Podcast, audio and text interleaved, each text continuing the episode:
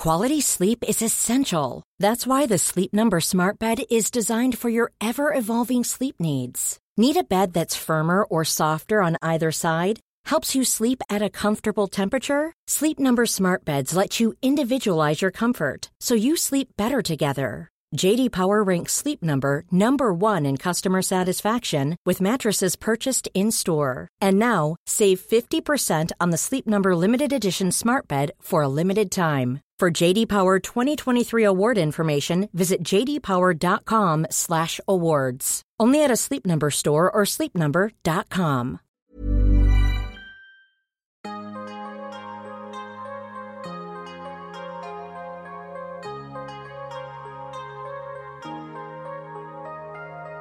Vores mentale sundhed er nedadgående, og det er til trods for, at vi aldrig har været rigere, aldrig har haft flere muligheder og aldrig har levet længere. Det skal vi tale om. Vi skal tale om alt det, der fylder inde i os. Min erfaring er, at når vi taler højt om de ting, så opdager vi, at der er mange andre, der bøvler med de samme ting. Jeg tror på, at vi kan lære af og inspirere hinanden ved at dele vores sårbarheder, erfaring og viden. Velkommen til Vores Mentale Sundhed, en Mindcare Collective podcast, hvor vi taler om store og små ting, der fylder inde i relateret til mental sundhed. Jeg håber, at du vil lytte med, og at du følger med på min Mindcare Collective profil på Instagram, hvor jeg deler indhold til refleksion, motivation og inspiration. Jeg hedder Lea Helmand. I podcasten i dag har jeg besøg af psykolog, forfatter og foredragsholder Marie Brikstofte, som er ekspert i at arbejde med børn, unge og voksne, der har haft en alkoholiseret forældre eller en forælder med et andet misbrug. Det er et emne, som Marie har en tung faglig, men også en personlig erfaring med. Snakken i dag den tager udgangspunkt i, hvordan det at have en alkoholiseret forældre eller en forælder med et andet misbrug påvirker børn mentalt, Altså hvilke konsekvenser det har for de her børns tankemønstre, overbevisninger og adfærd, når de her børn bliver unge, voksne og selv bliver forældre. Afsnittet er altså særlig relevant for dem, der har haft en forælder med et misbrug, eller som måske har en ven eller en veninde, som har en forælder med et misbrug. Men faktisk så er afsnittet også relevant for alle andre, og grunden til det, det fortæller Marie ret hurtigt om i dagens afsnit. Helt kort så handler det om, at de påvirkninger, det har på vores selvværd, på vores tankemønstre og vores selvopfattelse at være voksen barn af en forælder med et misbrug, de gør sig faktisk også gældende, hvis man som barn har været udsat for andre dysfunktionelle miljøer eller relationer. Og sagen er, at de fleste af os har oplevet noget dysfunktionelt i barndommen. Dysfunktionalitet i barndommen, det kan nemlig både være alvorlige sygdomme eller dødsfald i familien, eller det kan være mobning eller en anden giftig relation. Og det påvirker alt sammen, hvordan vi bliver som voksne. Og det er en af de ting, Marie er allermest optaget af. Det her med, at vi bliver opmærksomme på de ting, der har formet os i barndommen, og at vi tager ansvar for de ting som voksne. Helt grundlæggende, så vi kan give os selv og vores børn de bedste vilkår i livet for at føle glæde og frihed. Og det synes jeg er et enormt relevant emne. Afsnittet i dag det handler i høj grad om selvværd, om dårlig samvittighed og om bekymringer. Og du kan altså formentlig godt og måske højst sandsynligt relatere til nogle af de ting, Marie fortæller om, selvom du ikke er barn af en forælder med et misbrug. Hvis du kan lide det, du hører og gerne vil høre mere, så er du som altid meget velkommen til at donere et beløb til podcasten via MobilePay 155503 du kan også se nummeret i tekststykket her under afsnittet i den app, du hører podcasten i. Og så må du også meget gerne sende din anmeldelse min vej, kast nogle stjerner af podcasten her, hvis øh, du kan lide det, du hører. Det vil betyde rigtig meget for mig. Tak. Velkommen til Marie Brikstofte. Tak. Jeg er øh, rigtig glad for, at du vil være med i dag i vores mentale sundhed. I dag skal vi tale om, hvordan det påvirker vores psyke, vores mentale sundhed og hvem vi bliver til, når vi har været barn af en eller to alkoholikere, eller barn af en forælder med et andet misbrug i den kategori. For det har en påvirkning på, hvordan vi er i livet og bliver i livet, og det er overbevist om, at sundt og brugbart at forstå, enten hvis man selv er det, har været det, eller hvis man måske kender nogen, der er det, har været det. Og derfor skal vi tale om netop det i dag. Mm. Jeg har glædet mig meget til at tale med dig, Marie, og jeg har tænkt lidt længere end normalt over, hvordan jeg skulle kringle den her indledning. Fordi du er her i dag, fordi du fagligt er ekspert på området, og af den grund, så kan du bidrage med en hel masse, men øh, du har også noget personlig erfaring med emnet, fordi din far var alkoholiker. Derudover så har jeg også selv erfaring med emnet. Og inden jeg fortæller lidt mere, så er jeg nødt til for min egen skyld lige at understrege, at mine forældre på rigtig mange måder har været fantastiske forældre og enormt kærlige og givet mig en masse gode ting. Men alkoholisme har jeg haft inde på livet. Jeg oplevede egentlig ikke alkoholisme i livet som et helt lille barn, men jeg havde en far, der inden han skulle sove, konsekvent drak en halv til en hel flaske vin, sådan fra 9 til 10 om aftenen. Så drak han den her ja, halve til hele flaske vin, og så gik han i seng. Og selvom jeg ikke helt kan huske, hvornår det startede, så begyndte det at fylde hos mig i en alder, hvor jeg vel begyndte at gå i seng samtidig med, eller, eller senere end ham. Så det må nok have været, da jeg var sådan 12-13 år.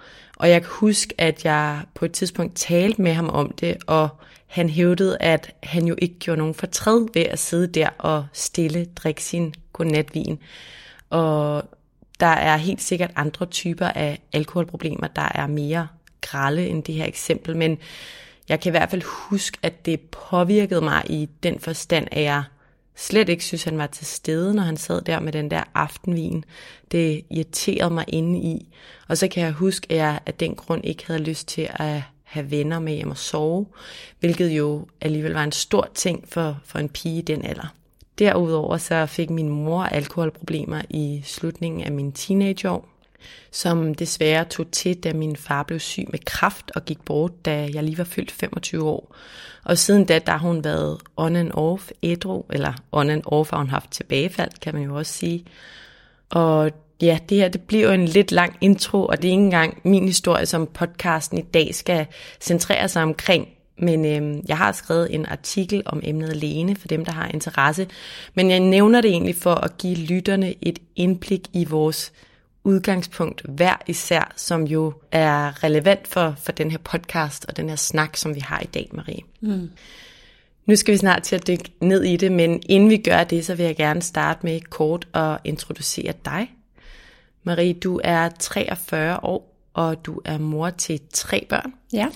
Du er økonom og autoriseret psykolog. Mm. Så er du forfatter, foredragsholder og medlem af kommunalbestyrelsen i Gentofte Kommune for radikale venstre. Ja. En øh, bred og spændende profil. ja. ja. Lad os øh, kaste os ud i det. Mm. Marie, du har jo blandt andet skrevet bogen Bolsjefilosofi og andre gode leveråd, som jeg varmt kan anbefale folk at læse. Ikke kun folk, som har været børn af alkoholikere. I bogen der skriver du om, at vi alle har en rygsæk med i livet. Som resultat af vores barndom og vores opdragelse, så har vi fået fyldt en rygsæk med en masse læringer, redskaber og bevisninger, som vi så hver især skal ud i verden med og ligesom være med.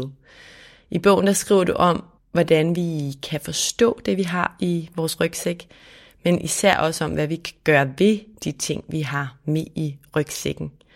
Og selvom bogen reelt er relevant for alle, så tænker jeg, at den især er relevant for børn, unge og voksne, der er vokset op med en alkoholisk forældre eller en forælder med en anden lignende afhængighed. Har jeg ret i det, eller kan du måske lige afklare i forhold til den antagelse? Mm. Altså, jeg tror mange øh, øh, børn af alkoholikere eller børn af misbrugere vil føle, øh, og siger også til mig, at de føler sådan, når de læser bogen, som om den er skrevet præcis til dem. Mm. Sådan, gud, hvordan kunne du vide, at altså, det var lige præcis alt det her, jeg gik og bøvlede med. Øhm, så derfor er den utrolig relevant og specifikt relevant for børn af misbrugere, og voksne børn af misbrugere, jo, øh, og unge børn af misbrugere. Men, men det, der er så vildt, det er, at det er egentlig de samme ting, der begynder, altså de samme bøvlerier, der begynder at krybe ind i folks liv, når de er i et dysfunktionelt miljø. Og, øh, og det gik op for mig, da jeg var psykolog i det nationale sovcenter og børn, unge og sov. Der kunne jeg se, at selv de øh, unge mennesker, som havde haft en, en opvækst uden alkohol og uden misbrug og uden noget dysfunktionelt, pludselig opstod der måske sygdom eller dødsfald i familien. Øh, det kunne være far eller mor, der blev syge, eller døde, eller nogle søskende. Og pludselig begyndte de at lide af de samme øh, bøvlerier, altså senfølger, hvad vi skal kalde det, øh, lavt selvværd, svært ved at sige fra, øh, dårlig samvittighed, angst, ængstelighed, overbekymringer. Så det var helt samme symptombillede. Øh, så derfor er bogen relevant for de fleste af os, fordi de fleste af os har oplevet noget dysfunktionelt. Mm. Og det betyder altså, selvom man har haft en tryg barndom, så kan man sagtens have oplevet noget dysfunktionelt, enten i familien, men vel også i den nære kreds omkring familien. Ja, det kunne også være sådan, øh, man er blevet drillet i skolen. Altså, når, når jeg har holdt foredrag, og det har holdt 100 nu, øh, hvis jeg ikke tæller workshops med. Jeg, ja, det var meget sjovt, da jeg talte, så var jeg nået til præcis 100. Mm. Øhm, men der har jeg altid bedt deltagerne om at række hånden op, hvis de kunne genkende, eller hvis de undskyld, række hånden op, hvis de ikke kunne genkende nogle af de scenefølger, som er typisk produkt af, en dysfun- af noget dysfunktionelt. Og der har været fem på, på 100 foredrag, altså fem mennesker. Wow. Og en af de mennesker, der har rakt hånden op, det var i Vangede Kirke den 20. februar 2020. Og, øh, og hende kan jeg godt, altså kender jeg sådan perifært, altså sådan vi, øh, vi er sådan i samme kreds, hvis man kan sige det sådan, uden vi er tætte venner. Og jeg tror på, at hun ikke bøvler med noget af det her. Altså, så, så, så, så det, det er bare for at sige, de der fem mennesker, jeg tror ikke bare, det er nogen, der ikke er i kontakt med sig selv. Jeg tror virkelig, de findes i Danmark. Altså de her mennesker, som, som ikke rigtig bøvler med noget, eller har været udsat for utrolig lidt dysfunktion. Men hovedparten af os mm. har oplevet noget dysfunktionelt. Og det er jo også, fordi vi er et produkt af generationer af dårlig børneopdragelse. Mm. Interessant. Mm. Og jeg synes også, det er, det er interessant, fordi hele formålet med den her podcast er jo at ligesom i talsætte de der ting, der fylder inde i. Ikke? Og jeg tror, hvis vi ser på rigtig mange af hinanden, så tænker vi, de, de har det jo meget godt. Og hvis man så dobbeltklikker på os, eller faktisk åbner op, så er vi fyldt med alt muligt, som øhm, vi kan have gavn af at dele og inspirere hinanden med. Jeg siger ikke, man skal dele alt, men øhm, jeg tror, der er en gave i at dele de læringer, man har med, når man har mod på det. Marie, kan du ikke starte med at uddybe lidt om den her rygsæksmetafor? Nu siger du det her med, at vi har noget med fra en masse generationer og opdragelse, men hvorfor er barndommen så afgørende for, hvad vi har med i vores rygsæk ind i voksenlivet. Mm. Jo, øh, og, og på en måde er det sådan en kliché, ikke? At en psykolog sådan, det handler alt sammen om mor og far og sådan noget. Og det gør det heller ikke helt, men, men barndommen er, er vanvittigt øh, afgørende. Øh, vi skal helt tilbage sådan i huletiden, øh, hvis vi skal finde svaret, fordi at Øh, Øh, vi har, altså vi er et produkt af overlevelse. Vi har levet, overlevet i 100.000 vis af år i, øh, i huler, og det blev vi ret gode til. Altså i hvert fald os, der er her i dag, fordi at alle dem, der ikke kunne finde ud af det, de fik ikke noget ikke at få børn og noget at dø inden og give generne videre. Så vi er et produkt af de bedste overlevere. Og det er også derfor i dag, der er sådan fobier som æderkoppefobi og slangefobi, sådan de typiske dans, mest typiske danske fobier, som jo er absurd, når æderkopper og slanger ikke er farlige i Danmark.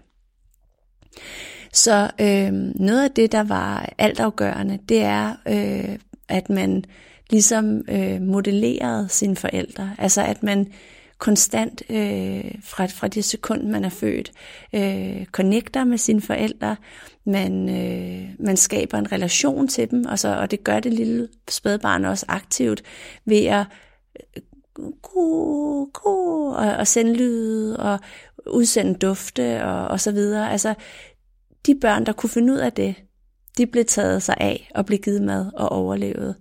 Så, øhm, så vi er skabt til at lave relationer for, for vores overlevelse. Og så er vi skabt til at modellere vores forældre på den måde, at altså, bruge dem som modeller, altså til, jamen hvis mor gør det, hvis mor bliver bange, hvis mor viser, at hun er bange for at komme for sent, så er det nok farligt at komme for sent. Mm. Øh, så, så vi gør, som vores forældre gør, ikke som de siger. Så det, vi ligesom putter i rygsækken, er egentlig vores læringer afledt af vores forældres handlinger. Ja, og, for, og vores forældres følelser. Ja. Fordi vi, vi mærker også vores forældres følelser. Hvis vi har forældre, der er utrygge ved nogle bestemte følelser, så stopper vi med at vise de følelser og så videre. Så øhm, jeg må simpelthen sige, nu er jeg jo sådan arbejder som psykolog, som du også sagde i introen der. Jeg, sid, altså, jeg laver næsten ikke andet, end at snakke med folk om deres far og mor. Nej. Selvom de kommer i terapi, nej, men det, det er ikke noget for barndommen. Det er problemer, jeg har med min chef. Okay. Og så snakker vi om chefen, blam, blam, blam, blam. Ikke? Og hvad minder det om? Gud, det er jo min mor. Og så videre. Altså, vi kommer altid tilbage til far og mor. Den måde, man behandler sig selv på. Og nu stussede jeg lige over det spændende, du sagde i starten med øh, din far, der sagde, jamen det gør jo ingen fortræd. For det første gjorde det jo dig fortræd, yeah. øh, og det havde han så ikke lige tjekket ind. Han kunne så også spurgt, gør det dig fortræd, lille skat? Ja. Det med kommunikation og snak om følelser, det der skete inde i det, det skete der ikke så meget af Nej. hjemme hos os. Nej, men det skete der ikke så meget af i den generation, fordi de havde heller ikke lært det. Så, øh, men, men det, der er spændende ved det, ingen, det gør jo ingen fortræd, det er, at din far glemmer sig selv. Fordi det gjorde jo faktisk ham fortræd. Fordi man sover væsentligt dårligere, altså utrolig meget dårligere med alkohol i blodet. Øh, og sikkert var det heller ikke godt for hans kolesterol og hans, øh, jeg ved ikke, hvor meget han varede, men, men at drikke så meget hver aften, inden man skal sove. Så det der med, at han ikke, ikke engang tænkte på sig selv og passe på sig selv, og nu ved jeg ikke, hvordan dine forældre var, men, men mange i vores forældres generation har ikke lært at passe på sig selv, fordi deres forældre ikke kunne passe på sig selv. Jeg er sikker på, at øh, mange forældre vil have haft gavn af at, at tale med nogen om sig selv og, Fuldstændig. og det, der skete indeni. Og, og det er derfor, man siger også, at når man, altså, dem, der går i terapi, de går i terapi, fordi der var nogen i deres nærhed, der ikke gik i terapi. Interessant. Marie, i dag der skal vi som nævnt tale om, hvad vi har med i rygsækken, især når vi har været barn af en alkoholiker eller en forælder med et misbrug. I bogen der skriver du om emner som at have et dårligt selvværd med i rygsækken. Du nævnte det også lige kort selv. Om at have en masse dårlig samvittighed med i rygsækken, og for eksempel have en masse bekymringer med i rygsækken. Og nu nævner jeg bare nogle af de ting, du skriver om. Og selvom de her ting altså også relaterer sig til unge og voksne, der ikke har været børn af misbrugere, så gør det sig altså ofte særligt gældende i forhold til, til dem. Kan du ikke starte med at fortælle lidt om det lave selvværd i forhold til at være et barn af en misbruger? Hvorfor udvikles det lave selvværd, og hvordan kommer det til udtryk i livet?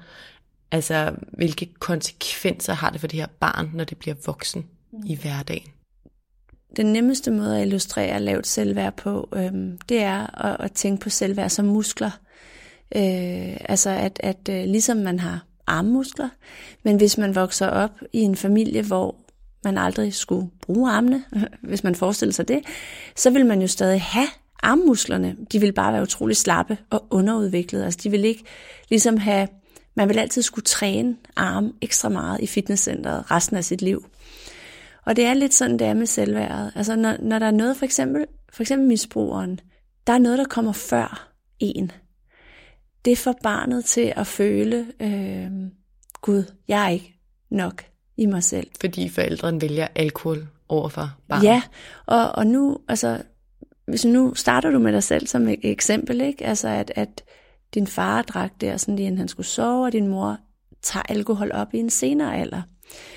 Jamen altså selv dem, der tager alkohol op i en senere alder, har typisk, gør det typisk ikke, hvis de har gode og sunde måder at øhm, klare sig på. Altså, øh, så, så, så typisk kan det være, at ens hvad kan man sige, miljø inden alkoholikeren debuterer, eller vil, vil typisk også have øh, grader af dysfunktionalitet. Også selvom, som du siger, man har haft en god opvækst, og forældrene har været gode og søde og dejlige, så har der formentlig været følelser eller mm, måder at kåbe på, der ikke har været super hensigtsmæssige. Og, øhm, og så lærer barnet at skulle præstere, og skulle være dygtig, og skulle vise sig frem, og skulle øh, handle. Fordi at sådan for det ros af ja. de misbrugende forældre eller omverdenen? Også dem, der ikke er misbrugende. Ja, altså så, så, så op, er der ingen, der opdager, at det ikke føler sig nok værd. Øhm, så, så er det ligesom en form for berettigelse. Altså hvis nu jeg gør det her, er det så ikke godt? Eller nu bliver stemningen god, eller øh, så må jeg godt være her, eller så bliver jeg set, eller hvad det end kan være. Ja, for grundlæggende handler det jo for barnet om at blive set, anerkendt og hørt også, ikke? Og det er noget, det barn ofte ikke bliver, forestiller mig, hvis der er noget andet, der kommer først. Ja, for eksempel hvis man leger med et barn, og barnet, altså i stedet for, at der er nogle forældre, de kan være meget sådan, se den her rangle, se den her rangle, det er jo sådan deres dagsorden. Men hvis man følger barnet, altså det kan godt være, at man gerne vil vise noget også, men hvis barnet kravler hen til en Lego-klods, så skal man gå med, nej, hvad har du fundet? Gud, hvor spændende. Altså, så den der fornemmelse af at følge barnet og, og lade barnet være barn og, øh, og udforske altså barnets interesser, altså barnets indre, i stedet for at sætte nogle prædikater ned på det. For eksempel køn øh, er jo et godt eksempel. De meget kønsstereotype forældre, det kan også give lavt selvværd, fordi måske vil lille Viola ikke gå i kjole.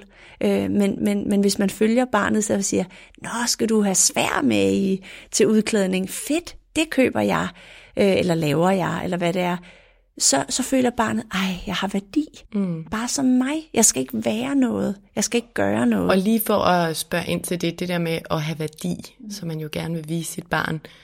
Kan du ikke lige prøve at forklare, hvorfor at en forældre drikker eller er misbrug på en anden måde? Hvorfor fjerner det et barns følelse af værdi? Fordi der er noget, der er vigtigere end barnet. Ja. Altså, når du, når du drikker, det, det er faktisk iPhone har samme effekt. Fordi når du drikker, så forsvinder du. Ergo bliver barnet opmærksom på, Gud, der var noget mere interessant end mig.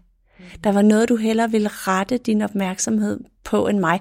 Og det er jo ikke, det er jo selv det toårige barn, men det er jo ikke sådan en udtalt tanke, for det kan et barn slet ikke tænke, men det er en fornemmelse af, af overlevelse. Altså igen, hvis vi går tilbage til huletiden, der var noget, der stjal min mor. Mm. Der var noget, der stjal min far. Mm. De forsvandt. Og det gør vi med vores iPhones. Derfor er det så vigtigt at lægge dem i en kasse, når vi kommer ind, og så, eller have dem i et rum, og så nu går jeg ind og bruger min iPhone, og så kommer jeg tilbage igen.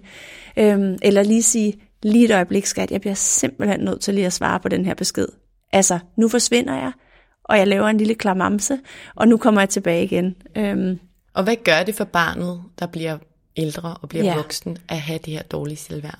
Det gør, at typisk, to ting. Typisk så overkompenserer man med høj selvtillid, fordi man skal endelig ikke, man kan ikke holde ud og føle, at man ikke er noget værd.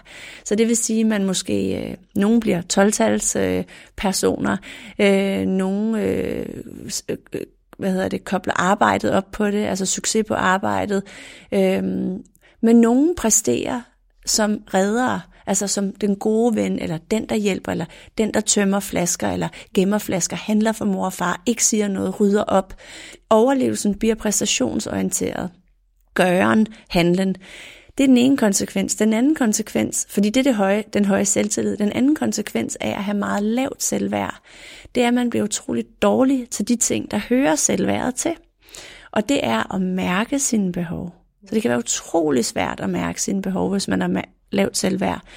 Og selv hvis man mærker dem, kan det være rigtig svært at turde udtrykke dem. Åh, oh, må jeg godt have det sådan, ikke? Øh, og sige fra. Helt utrolig svært at sige fra, fordi må jeg godt det, og så krænker jeg jo den anden, og jamen, jeg gør det bare alligevel, mine følelser er jo ikke lige så vigtige som andre, og så videre. Og der er jo allerede der, man kan se, man begynder selv at tænke om sig selv som mindre værdifuld end andre det, det er meget tydeligt med det lave selvværd. Så selvomsorg er øh, noget, man kan være rigtig dårlig til at passe på. Være omsorgsfuld over for sig selv. Øhm, og væren, sådan noget med sådan, gå en tur, meditere, hænge ud, lave et puslespil, bare fordi, og sådan noget. bare være. Ja, så der er sådan nogle forskellige ting. Og det, øh, altså, jamen, jeg ser det jo helt op til min, min ældste klient, jeg lige har afsluttet, var 82. Mm. Ikke? Øhm, så hvis ikke man får gået ned i det der selvværdsfitnesscenter og trænet de muskler, jamen så er musklerne altid underudviklet. Ja, vi skal ned i det fitnesscenter. Jo, jo tidligere i livet, jo bedre, tænker jeg. Hvad med den her dårlige samvittighed? Den, øh, den skriver du også om, at det er noget, man ligesom kan udvikle i udpræget grad. Kan du ikke øh, uddybe, hvorfor, hvorfor den udvikles? Jo. Dårlig samvittighed er det modsatte af, af sådan udadvendt vrede eller følt vrede. Og i virkeligheden er det, når man tænker på det som en skala med vrede, så er vrede ofte rettet ud af, men dårlig samvittighed er jo i virkeligheden vrede rettet indad. Og der er mange, der, der taler om, at de får dårlig samvittighed. De har fået dårlig samvittighed. Men jeg mener også, at vi udvikler det som en aktiv strategi. Mm. Hvis jeg kigger tilbage på min barndom, så var det klart det bedste for mig at gøre, det var at give mig selv dårlig samvittighed, hvis jeg ikke gjorde det, mine forældre sagde. Så for eksempel, hvis jeg blev bedt om at hente vin, når de var fulde, ikke min, altså min far hans, øh, hans kone, min stemmer. Når de var fulde, hvis de bad mig om at hente vin, og jeg ikke havde lyst. Børn gør altid det, der giver dem mest kærlighed og nærvær. Der var det bedste for mig, det var at hente vin. Ikke at sige fra. Og for at jeg kunne undertrykke den vrede, jeg egentlig følte ved at blive bedt om det, når jeg ikke havde lyst, eller den vrede, som kunne hjælpe mig til at sige fra, det ville ikke være det smarteste for mig. Så lagde jeg et låg ovenpå, der hed dårlig samvittighed. At hvis ikke jeg gjorde det, så fik jeg dårlig samvittighed. Så at udvikle dårlig samvittighed var for mig det allersmarteste, jeg overhovedet kunne gøre, for at komme igennem min barndom bedst muligt. Og sådan er det, og det skal vi huske. Så når vi sidder her og er voksne, som jeg ser mange klienter gøre, og slår sig selv oven i hovedet, og det er også så dumt, jeg ikke kan sige fra, eller så åndssvagt, jeg har så meget dårlig samvittighed, og det er så latterligt, jeg tager ansvar for andre menneskers følelser og sådan noget. Nej, det var mega smart. Ja, nu spænder det ben. Men det var det allerbedste. Tro mig, du gjorde det allerbedste, du kunne, da du var barn. Mm. Og så følger det os ind i, i voksenlivet så spænder det ben, når vi er voksne, for der indgår vi typisk ikke i dysfunktionelle relationer. Der vælger vi jo selv. Vores relationer. Ja. Og det, jeg også synes er interessant, er, hvor, hvor svært det, det faktisk er at ændre, selvom man er bevidst om det. Altså jeg er også en, der i den grad kan få dårlig samvittighed og, og glemme min egen behov i det, selvom jeg godt ved egentlig, hvad der er bedst for mig, så synes jeg oprigtigt også, at den andens behov er vigtige, og jeg vil gerne have, at folk har det godt og er langt hen ad vejen en pleaser, øhm, har udviklet mig lidt på den front og øver mig stadig helt vildt. Men jeg synes, det er interessant, at, man, at jeg kan være så bevidst om, at det måske er for meget, eller det er unødvendigt at have den her dårlige samvittighed, og så alligevel have den. Mm. Enormt irriterende. Det er vildt irriterende. Ja. Altså, og selvom jeg også har arbejdet rigtig meget med det, og, og lider utrolig lidt af det nu, altså virkelig lidt, og øj, hvor gør det en stor forskel, så kan den komme. Mm. Så kan der ske noget. Der skete noget her i efteråret en dag, hvor jeg var grebet af det. Altså, jeg var alt omsluttet af det, et helt, et helt døgn næsten. Men det er så sjældent, det sker nu heldigvis, at jeg kan nærmest huske dagen. Mm. Og det vi børn af misbrugere, vi har en anden opgave end vores forældre. Vi beder dem om at lade være at drikke. Men på samme måde, hvor de ikke kan holde drikketrangen ud, så skal vi kunne holde trangen til at reagere på den dårlige samvittighed ud. Hvis det vel at mærke er en usund dårlig samvittighed. Og, og det vil jeg gerne sige noget om. Ja. Men det er fordi, at dårlig samvittighed er ikke ubetinget dårligt. Fordi der findes to forskellige slags. Hvis nu jeg gik hen og slog dig, og så jeg bagefter fik lidt dårlig samvittighed over det, så, så var det godt. Det er en god og vigtig dårlig samvittighed, fordi jeg har gjort noget forkert. Og så skal jeg jo sige undskyld, og så skal jeg tænke, gud, jeg vil aldrig slå nogen igen. Men hvis nu jeg for eksempel øh, glemte at tage min kop ud, når vi var færdige med den her podcast, og så jeg havde dårlig samvittighed hele dagen, lad os sige, øhm, så er det det, der hedder en usund dårlig samvittighed. Fordi har jeg gjort noget forkert? Nej. Prioriterede jeg min egen behov? Ja, fordi jeg gik bare. Og, mm. og, øh, og sådan en dårlig samvittighed gør intet godt for os. Den er simpelthen fuldstændig øh, uproduktiv. Men hvordan skældner man så mellem de to? Fordi nu er det jo meget ekstreme eksempler, du ja. nævner, så slå en, tror jeg, vi alle er enige om, vi ikke skal gøre, men hvor, hvor er grænsen? Det kunne for eksempel være at sige fra. En veninde spørger, vil du med ud og shoppe? Og så mærker man, hvis man efterhånden har fået en lille smule selvværd, jeg har faktisk ikke lyst. Og så siger man, ja, jeg, jeg tror bare ikke, jeg kan den dag, eller jeg gider, jeg, jeg gider faktisk ikke shoppe længere, hvis nu det var det. Så kunne man få dårlig samvittighed. Især hvis hun reagerer sådan, nå okay, et eller andet, sådan lidt mopset. Eller, eller måske bare har du lyst til at ses til kaffe, og ja. man kan mærke, at man har brug for at slappe af. Og ja. sådan, der tror jeg mere, ja, okay. jeg vil have det svært, ikke? fordi jo. Uh, jeg har jo ved tiden, og jeg vil gerne ja. se dig. Ja. Men... ja, ved du hvad, jeg har simpelthen brug for at slappe af i dag. Ja. Og så får man sendt den, og man er jo tro mod sig selv, men så kommer den dårlige samvittighed.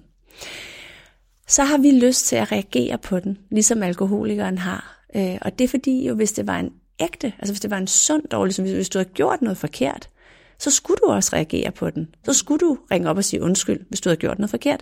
Så den måde, man skældner, som du spørger, mellem de to, det er ved at spørge sig selv, har jeg gjort noget forkert? Mm.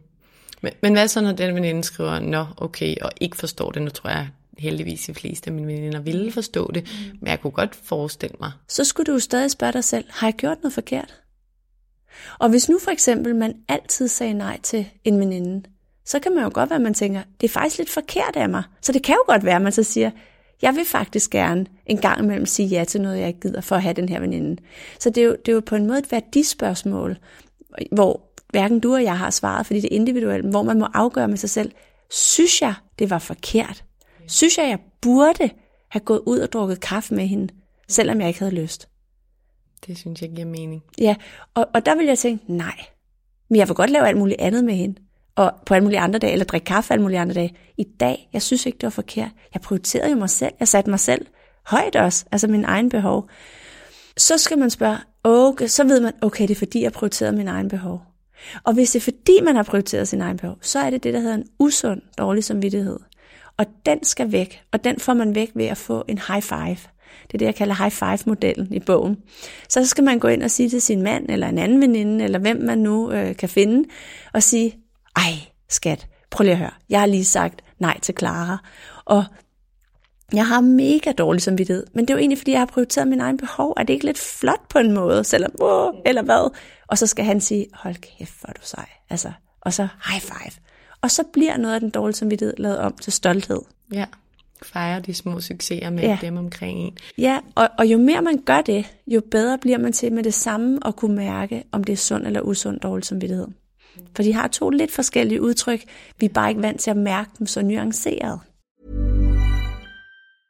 Hey, it's Paige DeSorbo from Giggly Squad. High quality fashion without the price tag. Say hello to Quince. I'm snagging high-end essentials like cozy cashmere sweaters, sleek leather jackets, fine jewelry, and so much more. With Quince being 50 to 80% less than similar brands. And they partner with factories that prioritize safe, ethical, and responsible manufacturing. I love that. Luxury quality within reach. Go to quince.com slash style to get free shipping and 365 day returns on your next order. Quince.com slash style. Hiring for your small business? If you're not looking for professionals on LinkedIn, you're looking in the wrong place. That's like looking for your car keys in a fish tank.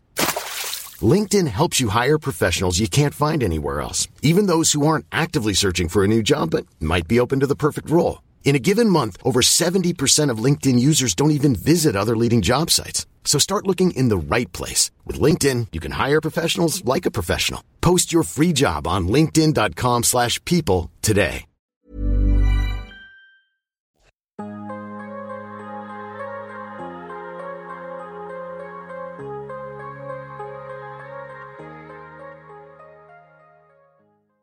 Vi kommer lidt tilbage til, nu talte du lidt om, hvad vi kan gøre. Det taler vi lidt mere om i hen mod slutningen. Men vi skal også lige tale om det her med at have en masse bekymringer og måske til tider angst. Du taler i den forbindelse om i din bog, at man kan have udviklet det her overaktive nervesystem i barndommen. Hvorfor udvikles det nervesystem og de bekymringer og til tider angsten som øh, konsekvens af at være barn af en misbruger? Mm. Igen så øh, skal vi tilbage til huletiden, ikke? At, øh, altså på en måde, det der også fik os, især i huletiden, til at overleve, det var at være på forkant, og være bange, og ikke gå ud i mørket, og ikke være op i højderne, og øh, alle de der ting, som nu er gængse fobier i dag. Øhm, noget af det farligste for hulebaby, øh, det er, hvis forældrene var beruset, altså var utilgængelige. Øh, så hvis der var fulde forældre, øh, hvis man kunne forestille sig det, så ville, der, så ville sabeltigeren jo bare kunne læse ind i hulen og hapse barnet. Derfor kan det give en livstruende følelse for børn, at forældre er fulde. Mm. 59 procent af dem, der kommer ind ad døren i Tuba, terapi for unge, som er børn af alkoholikere, hvor jeg har arbejdet mange år, 59 procent af dem har symptomer nok på PTSD til at kunne få diagnosen. Helt. Og det betyder altså, at det der med at leve i konstant alarmberedskab, konstant være på vagt, konstant have følehornene fremme, konstant mærke efter, fordi det er føles livsfarligt, når forældre drikker og ikke kan passe på en. Og det er det jo ikke i dagens Danmark. Der er utrolig sjældent, der er et barn, der dør af fulde forældre i Danmark. Øhm, så derfor begynder nervesystemet at, og diger. Derfor begynder angsten at komme ind. Det kan også være, at, at det her med, at børn føler jo angst en gang imellem, så er de bange for mørket, eller for monstret under sengen, eller et eller andet lyde. Og fulde forældre, allerede efter to genstande, der forsvinder empatien så meget, at selv spædbørn bliver, altså udviser øh, stresshormoner og sådan noget. Altså, så at kunne være en empatisk spejlende forælder, der hjælper barnet med at regulere følelser, der skal man altså ikke have alkohol i blodet. Så når man så får sådan en fuld far eller mor øh, op ved siden af sengen, så bliver det ikke sådan noget, nå skat, hold da op, jeg kender godt det der med at være bange. Så bliver det i stedet for, øh, skynd dig at lægge dig til at sove, fordi de orker ikke, fulde mennesker orker ikke bange børn. Øh, de vil hellere ind og drikke videre. Øh, så der kan være alle de der forskellige grunde til, at man bliver bange. Øh, og for at kunne håndtere sin angst, så begynder man at bekymre sig. Fordi jo mere man bekymrer sig om ting, jo mere kan man prøve at regne ud, hvad man så skal gøre og være syv skridt foran, ikke et. Øhm, så, så kommer alle overbekymringerne som strategi. Ja, det kender jeg i hvert fald også til, om det er, er den ene eller den anden årsag. Det skal jeg ikke kunne sige, men det der med at, at hele tiden være et skridt foran og have gennemtænkt situationer for at ligesom ja, både at gøre alle glade og opnå det bedst mulige resultat og så videre, det, det kender jeg godt. En anden ting, jeg tænker er sådan, det er meget, nu er jeg jo optaget en, en del podcast afsnit efterhånden, og det er virkelig ofte, vi kommer tilbage til den her af gode grunde, hule menneske hjerne, ikke? Øhm, det er jo ikke mærkeligt, fordi det er den, vi går og bærer på, men det er meget interessant det der med, at vi har samfundsmæssigt udviklet os så enormt kolossalt meget. Og så har vores hjerne bare ikke ændret sig særlig meget, vel? Og den har vi stadig mere, så den skal vi jo få til at passe. Men det er jo også utrolig kort tid, vi har været i det her miljø. Altså, den har jo slet ikke nået at producere, altså bare iPhonen, hvad den gør. Øh, den giver vores, øh, eller iPads giver vores unge mennesker, vores børn, mindre præfrontal cortex, sværere ved at koncentrere sig, alle de her ting. Og heldigvis er hjernen plastisk, så stopper man, så kan man øh, ud, ændre det, ja. Men, men så, så vores biologi kan jo, altså det er jo 2000, for 2000 år siden nærmest, der, altså der var, det er jo på Jesu tid, hvis man, hvis man tror på ham, ikke? Øh, der gik man rundt i sandaler og et, et forskin rundt om maven og sådan noget, ikke? Altså, så, så, så så det er jo klart på en måde, at vi er bare hulmennesker. Mm. Jeg synes i hvert fald, det giver god mening at, at blive bevidst om det. Det har i hvert fald hjulpet mig i mange år efterhånden at forstå de der mønstre og forstå, hvorfor der er nogle ting. Når for eksempel, når jeg holder foredrag, ikke, så spørger jeg deltagerne, og det er jo voksne mennesker, hvem her tør gå igennem en mørk skov om natten? Og der er, altså, 100 mennesker, så er der to, der rækker hånden op. Og de har som regel været spejder, ikke? Altså, og, og det er jo egentlig absurd. Altså, fordi der er vi jo altså igen nærmest fem år, ikke? Eller, eller huleperson. Og der er ikke nogen, der kan forklare, hvorfor ikke. Så, øhm, Vi er bange for det, der måske kan være bag træet. Ja, fordi vores forfædre ikke, var. Og det, og det gør for eksempel, at, at jeg har, efter jeg har fundet ud af det, har jeg bedre kunne rumme. Jeg har et barn, der er øh, meget bange for mørket. Og der har jeg nogle gange været sådan lidt, hvad er det med det mørke? Altså, der er jo ikke, det er jo ikke farligt. Mørket er jo ikke farligt. Men det er jo ikke rationelt. Der er jo heller ikke en på samme måde, der kan sige, hvad, hvorfor er du bange for en mørk skov? Hvad er det, du er bange for? Jeg kan ikke engang sige, hvad det er, jeg er bange Og folk kan ikke sige, hvad det er, de er bange for, fordi det er jo hverken sådan bømanden eller voldtægtsforbryderen eller noget, fordi man ved jo godt, de ikke står derude i skoven. Ikke? Så ja. Det er interessant. Så forståelse er virkelig vigtig. Både i forhold til den måde, vi møder os selv på, men også vores børn. Mm. Marie, vi har jo den her snak i dag for at belyse de her konsekvenser for øhm, et menneskes mentale sundhed. Når det barn har været øh, barn af en misbruger, selvom det også relaterer til til andre børn, der har været i dysfunktionelle setups. Et barn, der bliver ungt og voksent og har en masse ting med den her rygsæk, som man tager med ud i livet. Og formålet er selvfølgelig, at nogen derude formentlig eller forhåbentlig får en aha-oplevelse eller som minimum en bedre forståelse af, hvorfor man er, som man er, eller måske hvorfor en ven eller bekendt måske er, som de er. Ideelt så vil jeg jo rigtig gerne tale om, hvordan man kan arbejde med alle de her ting for at tage vare på sin rygsæk og på sig selv bedst muligt. For det er jo også noget, du nævner i bogen, det her med, at vi, når alt kommer til alt, har ansvaret for vores egen rygsæk. Men det er klart, at vi ikke kan komme ind på alle de løsninger her i dag, og igen kan jeg anbefale folk at læse din bog hvor du kommer ind på en masse håndgribelige idéer til øvelser og strategier i hverdagen, baseret på din personlige erfaring og din viden som psykolog.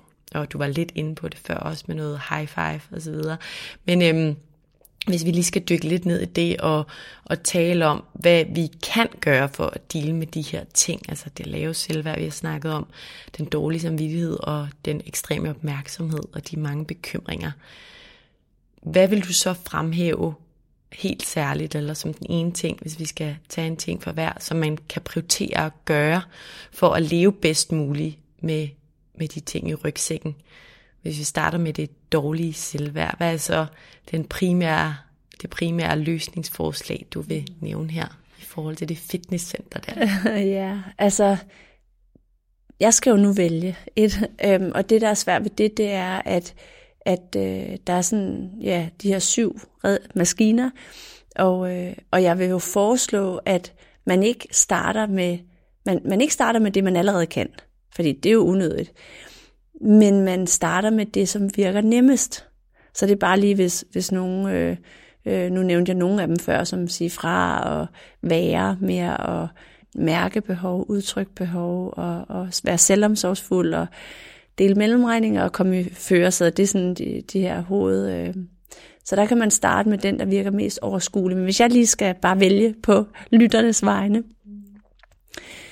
så kan et godt sted at starte være selvomsorg. Øhm, det er ligesom at gøre for eksempel en omsorgsfuld ting for sig selv hver dag. Det kan man starte med, bare det kan være fuldstændig vildt. Øhm, og der er faktisk mange, der ikke kender altså, eller forstår begrebet selvomsorg, men, men det er ligesom at være omsorgsfuld over for sig selv. Øh, kan du som, give et eksempel på, hvad det kunne være?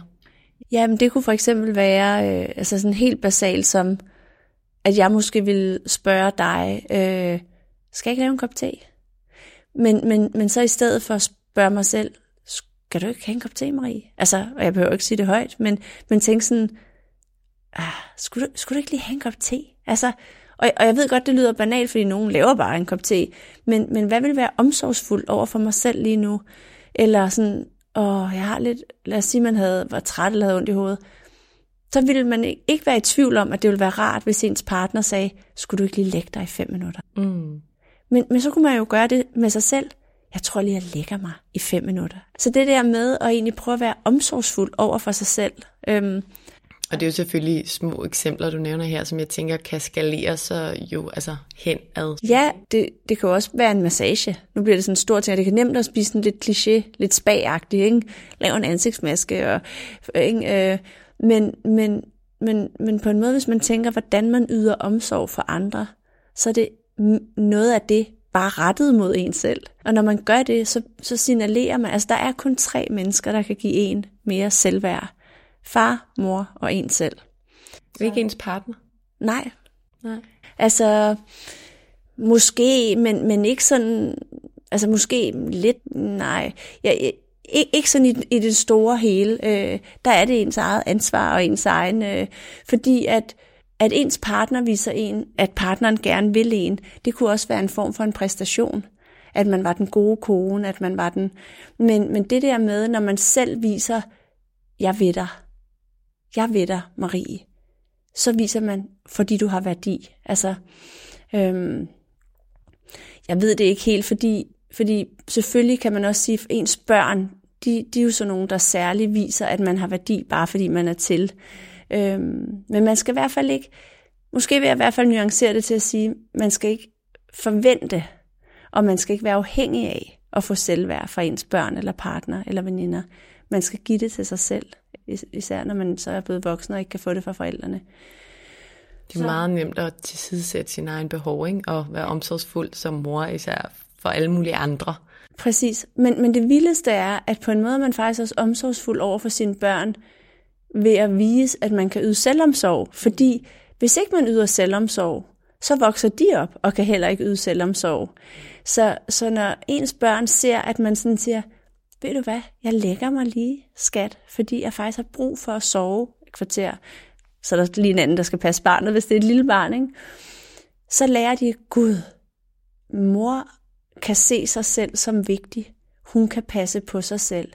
Ergo skal jeg se mig selv som vigtig, ergo skal jeg passe på mig selv. Ja. Altså, og det er jo noget, der fylder meget i, i mit hoved i hvert fald, det der med, jeg ved en masse om, om mig selv i dag, og jeg ved også, at jeg kan rykke mig meget videre, selvom jeg allerede er kommet meget videre, end hvor jeg har mm. været. Så det der med, hvad, ikke bare hvad jeg siger, men især, hvad gør jeg, som mine børn ser og tager med sig, ikke? Det, det er godt nok interessant mm, ja. at huske på. Så det var selvværet. Mm.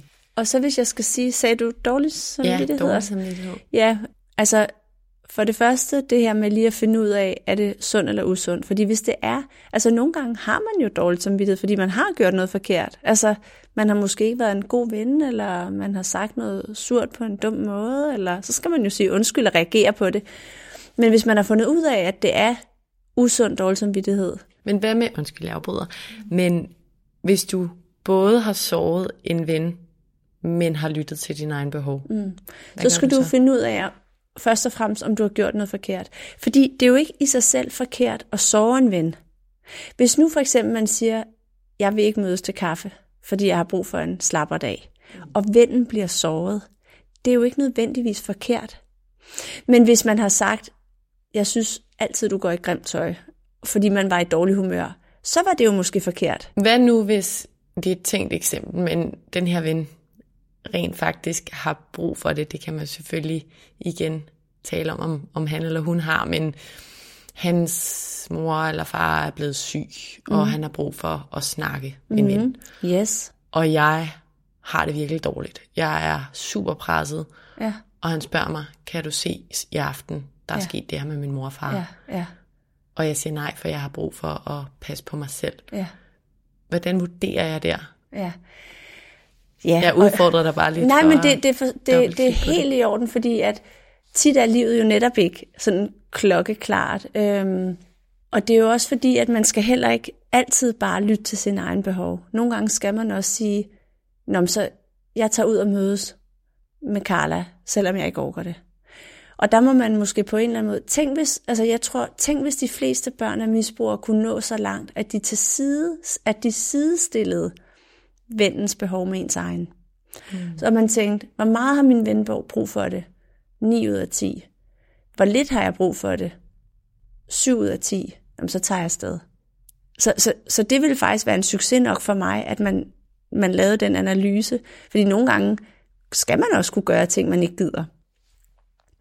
Og det er jo fordi, man på den lange bane har en, et ønske om at fortsætte det venskab. Hvis man ikke har det, så skal man bare lade være. Lad være. Men hvis nu man vurderede, om det er nok sådan 5 ud af 10, vennen har brug for det, men jeg har det dårligt, altså jeg har virkelig brug for at være hjemme, 7 ud af 10, så bliver jeg hjemme. Og så er det jo på egentlig overhovedet ikke forkert. Fordi man vil ikke være i tvivl om, hvad man vil råde sit barn til. Mm. Det er jo ikke forkert, altså fordi man har, man har jo lige så meget værdi. Og i virkeligheden skal man jo, altså, give, altså er man jo den eneste, der i hvert fald sørger for, at man selv bliver prioriteret mere end nogen andre. Ikke? Ja. Så, øhm, det er en meget god regel, det der, synes jeg i hvert fald selv, både med, hvad vil jeg sige til mit barn, og hvad vil jeg sige til min bedste veninde, eller ja. min partner. Ikke? Jo. Det kan lige få en til at reflektere lidt over. Vi, vi er rigtig gode til at sige fra på vores børns vegne. Ja. Altså, men ikke på vores egen. Og det, det er der, hvor jeg siger, at bare en øvelse i at sidesætte sin, altså sidestille sine følelser med andres, er stort for, for mange børn af misbrugere. Og så måske lige gå ud og sige det højt. Den kunne jeg i hvert fald meget godt ja, lide. Det der og få den der high five. Ja. ja. den er altid. Og der kan man også, altså jeg har sådan en tråd med nogle veninder, hvor hvis jeg får dårlig samvittighed, så skriver jeg, åh, oh, jeg har lige sagt nej til at øh, deltage i et eller andet. Nu i dag bliver jeg spurgt, om jeg ville med en anden podcast. Det kunne jeg så ikke nå, fordi jeg skulle herover. Så siger jeg, så får jeg lige lidt dårlig samvittighed. Så kan man skrive ud der, nu, nu var det ikke mere end et sekund, så var det væk igen. Men så kunne man jo skrive ud der, hvis det var, åh, jeg har lige sagt fra. Og så kan veninderne komme med sådan nogle emoji high fives. Ej, det var så godt, for flot du sagde fra. Flot du sagde, du ikke kunne tage en ekstra vagt på arbejdet, eller hvad det kunne være. Ikke? Ja. God idé, så man ja. træner lidt hele tiden. Og så er der ængsteligheden og overbekymringerne. Øhm, altså, jeg vil egentlig primært anbefale to ting, hvis jeg må. må og den ene, ja. det er, at man skal huske, at 80-90% af bekymringer bliver aldrig til noget. Så, så det der med, at man bruger helt utrolig meget tid på at gå og bekymre sig om alverdens ting, og det er fint nok i fem minutter, hvis man kan gøre noget ved det, men altså som sagt 80-90% af alt det, vi overhovedet bruger tid på at bekymre os om, bliver alligevel aldrig til noget. Man kan tænke sådan, åh, hvad hvis øh, Faster Downy, øh, hun er fuld, når hun kommer på fredag, og så kan man gå og bekymre sig om det, men så endte hun med at melde afbud, fordi hun fik corona. Altså, så det var en fuldstændig unødig bekymring, og så videre. Men det andet, jeg vil sige, det er i forhold til at, sådan, at have sådan et overaktivt nervesystem, det er egentlig øh, at bruge oxytocin, som er kroppens eget hormon, som sådan en angst, som går ind og dræber angsthormonerne. Øhm, og det kan man gøre ved at få massage, kropsberøring. Altså man kan sidde og age sig selv på armen, man kan kramme en pude, når man ser fjernsyn. Øh, man kan kramme træer, øh, men man kan også bare kramme mennesker, øh, sine børn. Øh, øh, selv er det bevist, at hvis man spiller brætspil med nogen, man holder af, udløser man, altså frigiver man en hel masse oxytocin. Sex, orgasme, øh, ja, nuller øreflipper og sådan noget. Øhm, så fysisk berøring ja, på en eller anden måde. Og intimitet. Ja. Berøring og intimitet. Det synes jeg giver rigtig god mening. Jeg synes også, det med bekymringerne giver rigtig god mening at skrue ned for dem. Men det er måske lidt, til den første ting, du sagde, lidt nemmere sagt end gjort. Mm. Det der med bare ikke at tænke over om onkel ja.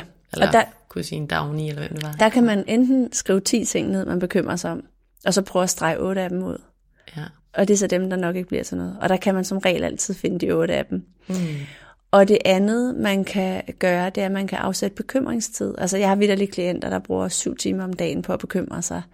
Øh, og der kan man beslutte for eksempel, jamen når jeg kører bil, må jeg bekymre mig. Men så skal jeg også bekymre mig. Men så må jeg ikke resten af tiden. Og det vil sige, hvis man kommer til at bekymre sig, når man ikke kører bil, så er man sådan, åh, den tager jeg, i bilen.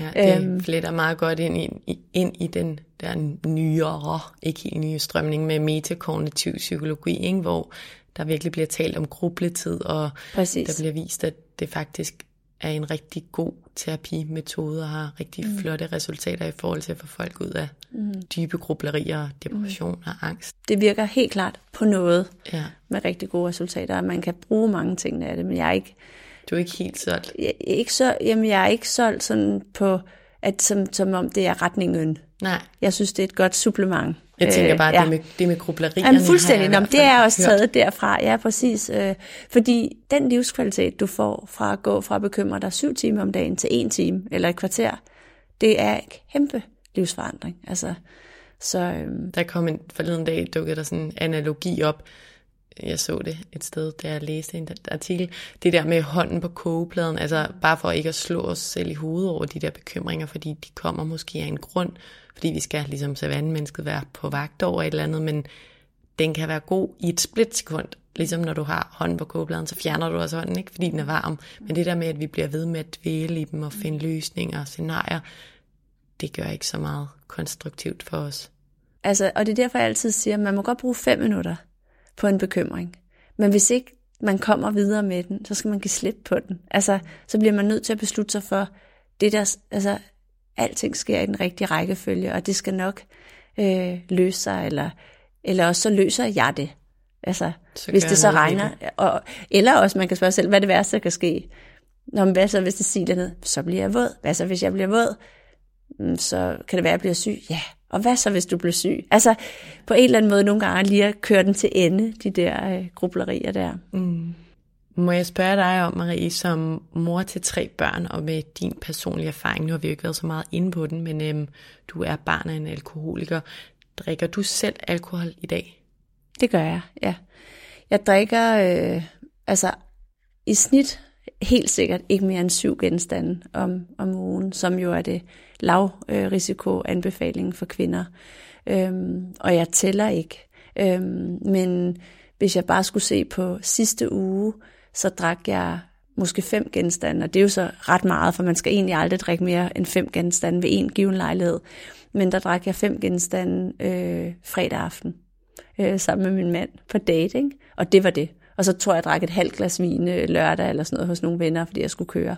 Så det øhm, fylder i dig den mængde, at du ikke overskrider de syv, men du gør det, når du har lyst? Ja, altså på den måde, at så kunne der også være en uge, hvor jeg måske drak 10, øh, men så er der virkelig også uger, hvor jeg drikker 0 eller 2. Altså det er tit for eksempel, når vi er på ferie med børnene, så drikker vi slet ikke alkohol. Og det er ikke sådan noget, hvis vi lige fik lyst til det, så gjorde vi det, men det fylder ingenting for os at drikke, fordi vi er jo sammen med vores unger. Altså, øhm, så, øh, så derfor så, så ved jeg, sådan, at jeg ligger under de syv i snit, men jeg vil heller ikke gå og tælle og lave gennemsnit og alt muligt.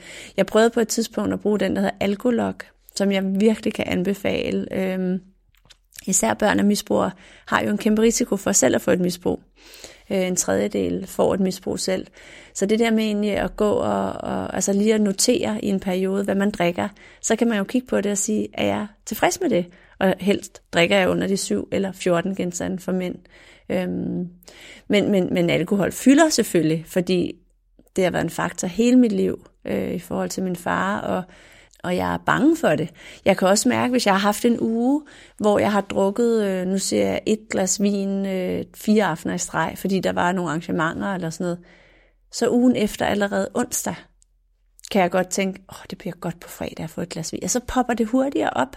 Mm. Hvor hvis jeg har haft sådan en uge, hvor jeg slet ikke har drukket, så tænker jeg slet ikke på alkohol ugen efter, sådan, nå gud, er det fredag, når, så min mand skal vi have et glas vin? Nej, det, nej, det behøver, altså, det var slet ikke noget, jeg kom, der kom ind i ligningen. Og sådan. Så man skal være opmærksom. Det er jo et vanedannende øh, middel. Øhm, og det opløser, altså det er jo et organisk opløsningsmiddel. Det opløser celler øhm, og laver permanent skade ved, ved indtag på over fem genstande på en lejlighed og sådan noget. Så. Ja, det har ungdommen, tror jeg godt. Jeg ved i hvert fald, da jeg gik i gymnasiet, der drak jeg mere. Når jeg kigger på min egen, sådan, mit eget forbrug, nu nævner du dit og dit fokus, og det har nok også, eller alkohol har fyldt på en anden måde i min familie og min opvækst, men jeg tænker egentlig slet ikke over det i forhold til antal, og kunne aldrig lige nu, hvor jeg er, finde på at bruge sådan en app, eller jeg vil ikke have behov for det, og jeg er ikke selv bange for, at jeg vil blive afhængig, fordi jeg lige nu har sådan en afsky for det på mange måder, men jeg drikker, og jeg hygger mig, og kan sagtens blive fuld. Øhm, men det jeg nogle gange tager mig selv i, det er jeg er også sådan ret meget en svag drikker, så hvis jeg lige får et par drinks inden maden, så kan jeg godt mærke, at jeg griner lidt højere, og min kæreste kigger på mig og siger, allerede skat, ikke? Men, men der kan jeg faktisk godt få sådan en lidt ubehagelig, trist følelse, der er kommet med årene, nok også som min mors problemer er eskaleret, men hvor jeg ligesom bliver fanget sådan en følelse af, ej, jeg sidder her og hygger mig, og egentlig ødelægger min krop, altså alkohol er jo ikke sundt, med det, som har dræbt min mor, forstår mig i situationstegn, altså som har smadret hendes liv på mange måder. Og så bliver jeg faktisk bare vildt dårlig humør, og sådan, måske også lidt bange for, eller ærgerlig over det der med, at jeg ikke lige kan kontrollere mig selv. Det kan jeg godt, det er ikke fordi jeg sejler, men at jeg ligesom mister kontrollen. Så jeg er mere sådan, når jeg først bliver fuld af tipsy, så skal der ikke så meget til, at jeg sådan kan blive lidt dårlig humør over det. Mm.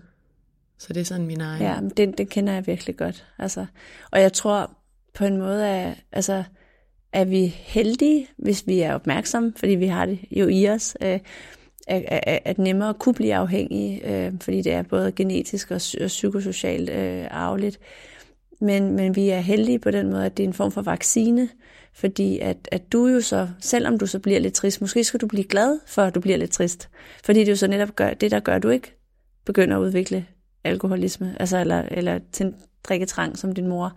Øhm, så mit råd til dig mm. kunne være at omfavne den tristhed, og så tænke, halleluja for det. Hvor er det dejligt. Det er jo præcis det, der gør, at, jeg, at mine børn aldrig skal sidde i den her situation. Det vil jeg tage med. Marie, vi er ved at være ved vejs inden. Jeg har lige to spørgsmål mere. Som mor og som psykolog, hvad ser du så som det absolut vigtigste i opdragelsen af dine børn, for at sikre, at de vokser op med ja, det bedst muligt mentale helbred, altså mm. sådan alkohol aside, hvad er så dit primære fokus? Det er, øh, at man tager ansvar for sin rygsæk som forældre. Fordi selvom at, at jeg ikke har et aktivt misbrug, øh, til jer, fordi jeg både har haft spiseforstyrrelser og et stofmisbrug tidligere, som, som begge er misbrug, øhm, så, så hvis ikke man får ryddet op i den rygsæk, og hvis ikke man i hvert fald får taget ansvar for det, der ligger i den, selvom man ikke har pakket den, så ender ens børn med at gå til psykolog eller få problemer, fordi det her går videre i generationer. Så, så i Tuba, der havde vi nogle gange øh, besøg, eller folk, der, der prøvede at komme i terapi, som var børnebørn af misbrugere ikke fordi forældrene drak, men fordi de ikke havde ryddet op eller taget ansvar. Så, øh, så det er nummer et. Det er, at man tager ansvar for sit shit. som jeg kalder det.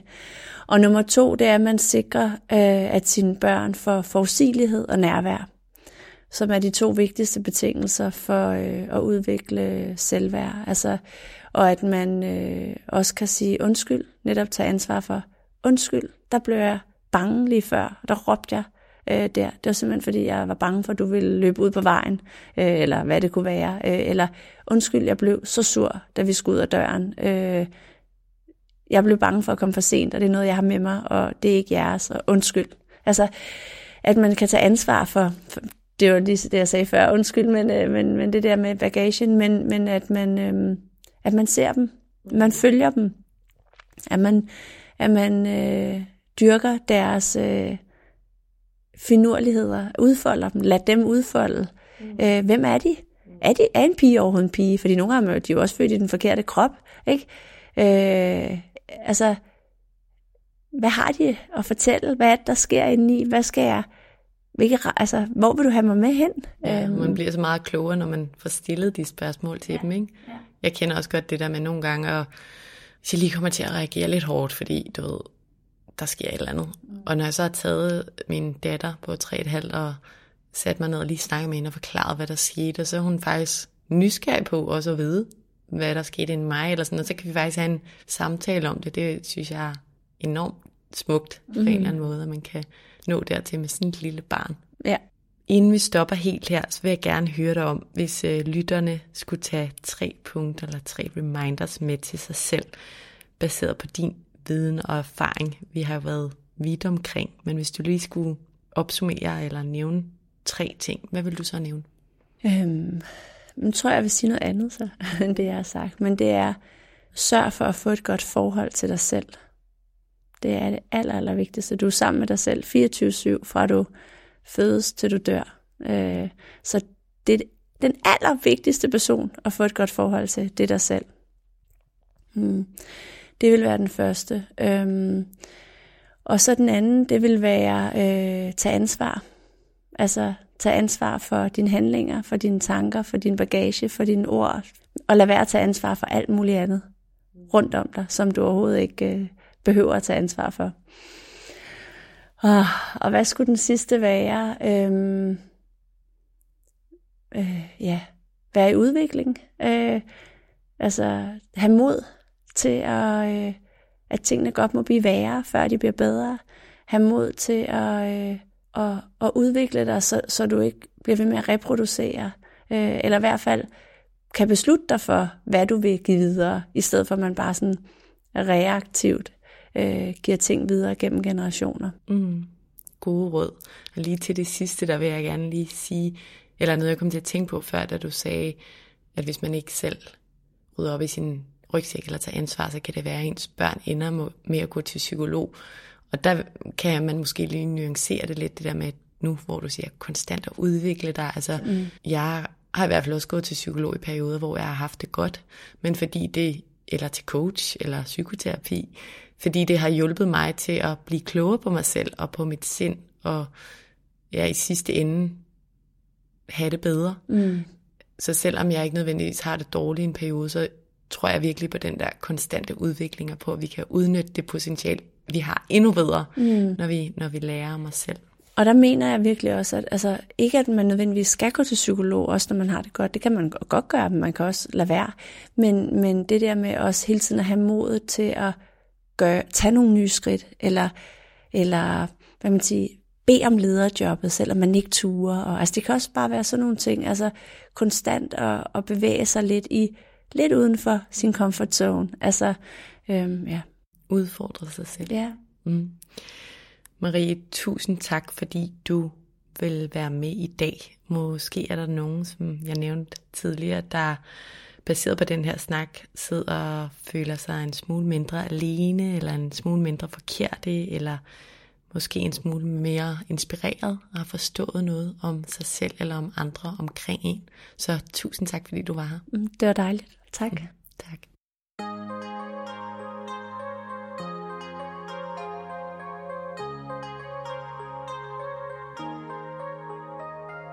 Jeg synes, at snakken med Marie i dag er vigtig, fordi det kan være, og tit er ret afgørende at forstå, hvor meget vi egentlig bærer rundt på hver især, og måske vigtigst af alt at forstå, hvorfor vi bærer rundt på det.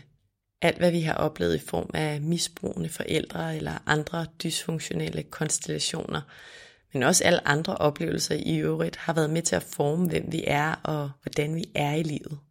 Jeg synes, at det, der er helt afgørende ved det, Marie siger, er, at vi bør stræbe efter at forstå, hvad vi egentlig bærer med i den her rygsæk, som hun kalder den. For hvis vi bliver bevidste om det, så kan vi også arbejde på, hvordan vi får det bedste ud af livet, og hvordan vi trives bedst i livet med den rygsæk, vi nu engang er havnet med. Og kun ved at være reflekterende over, hvad vi bærer på, kan vi arbejde med, hvad vi bevidst vælger at give og ikke give videre til vores børn. Det her afsnit er jo særligt lavet med henblik på voksne børn af alkoholikere eller af forældre med andre former for misbrug. Men jeg synes, det er ret vildt det her med, at Marie fortæller, at hun i løbet af sin nu 100 foredrag for alle mulige slags mennesker, kun har set fem hænder, der er blevet ragt op til spørgsmålet om, hvem der ikke kender til nogle af de følelser, hun taler om på sin foredrag og skriver om i sin bog. Altså blandt andet følelserne af lavt selvværd, af at være en pleaser, af at have dårlig samvittighed og af at være måske for bekymret. Det peger jo bare på, at der nok er mange af os, der sidder med de samme slags tanker.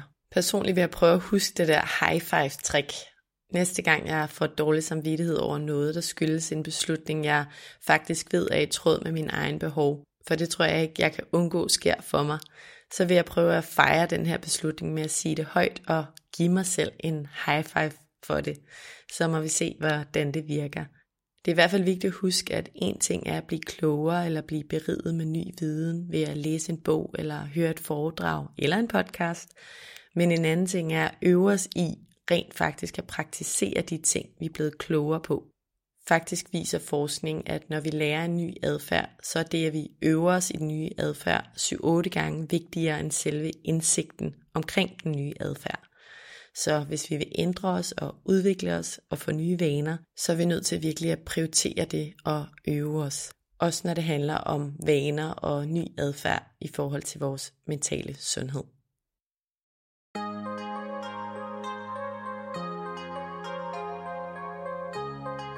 Tusind tak, fordi du lyttede med i dag.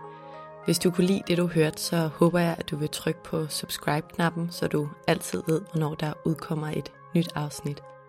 Du må også meget gerne rate podcasten her og skrive en kommentar i kommentarfeltet herunder, hvis du har noget på hjerte. Du er som nævnt også altid meget velkommen til at støtte podcasten her med et valgfrit beløb, hvis du kan lide det, du hører og gerne vil høre mere som det.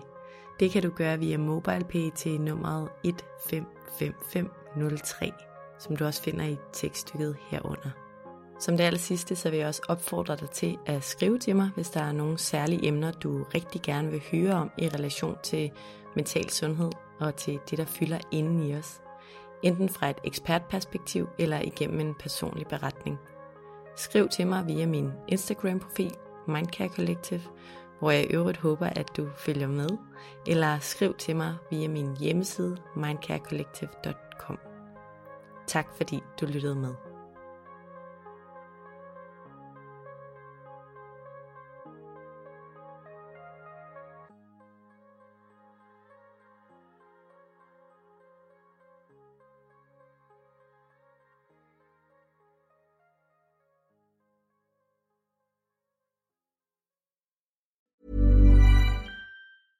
Mom deserves the best, and there's no better place to shop for Mother's Day than Whole Foods Market. They're your destination for unbeatable savings, from premium gifts to show-stopping flowers and irresistible desserts. Start by saving 33% with Prime on all body care and candles. Then get a 15-stem bunch of tulips for just $9.99 each with Prime. Round out Mom's menu with festive rosé, irresistible berry chantilly cake, and more special treats. Come celebrate Mother's Day at Whole Foods Market.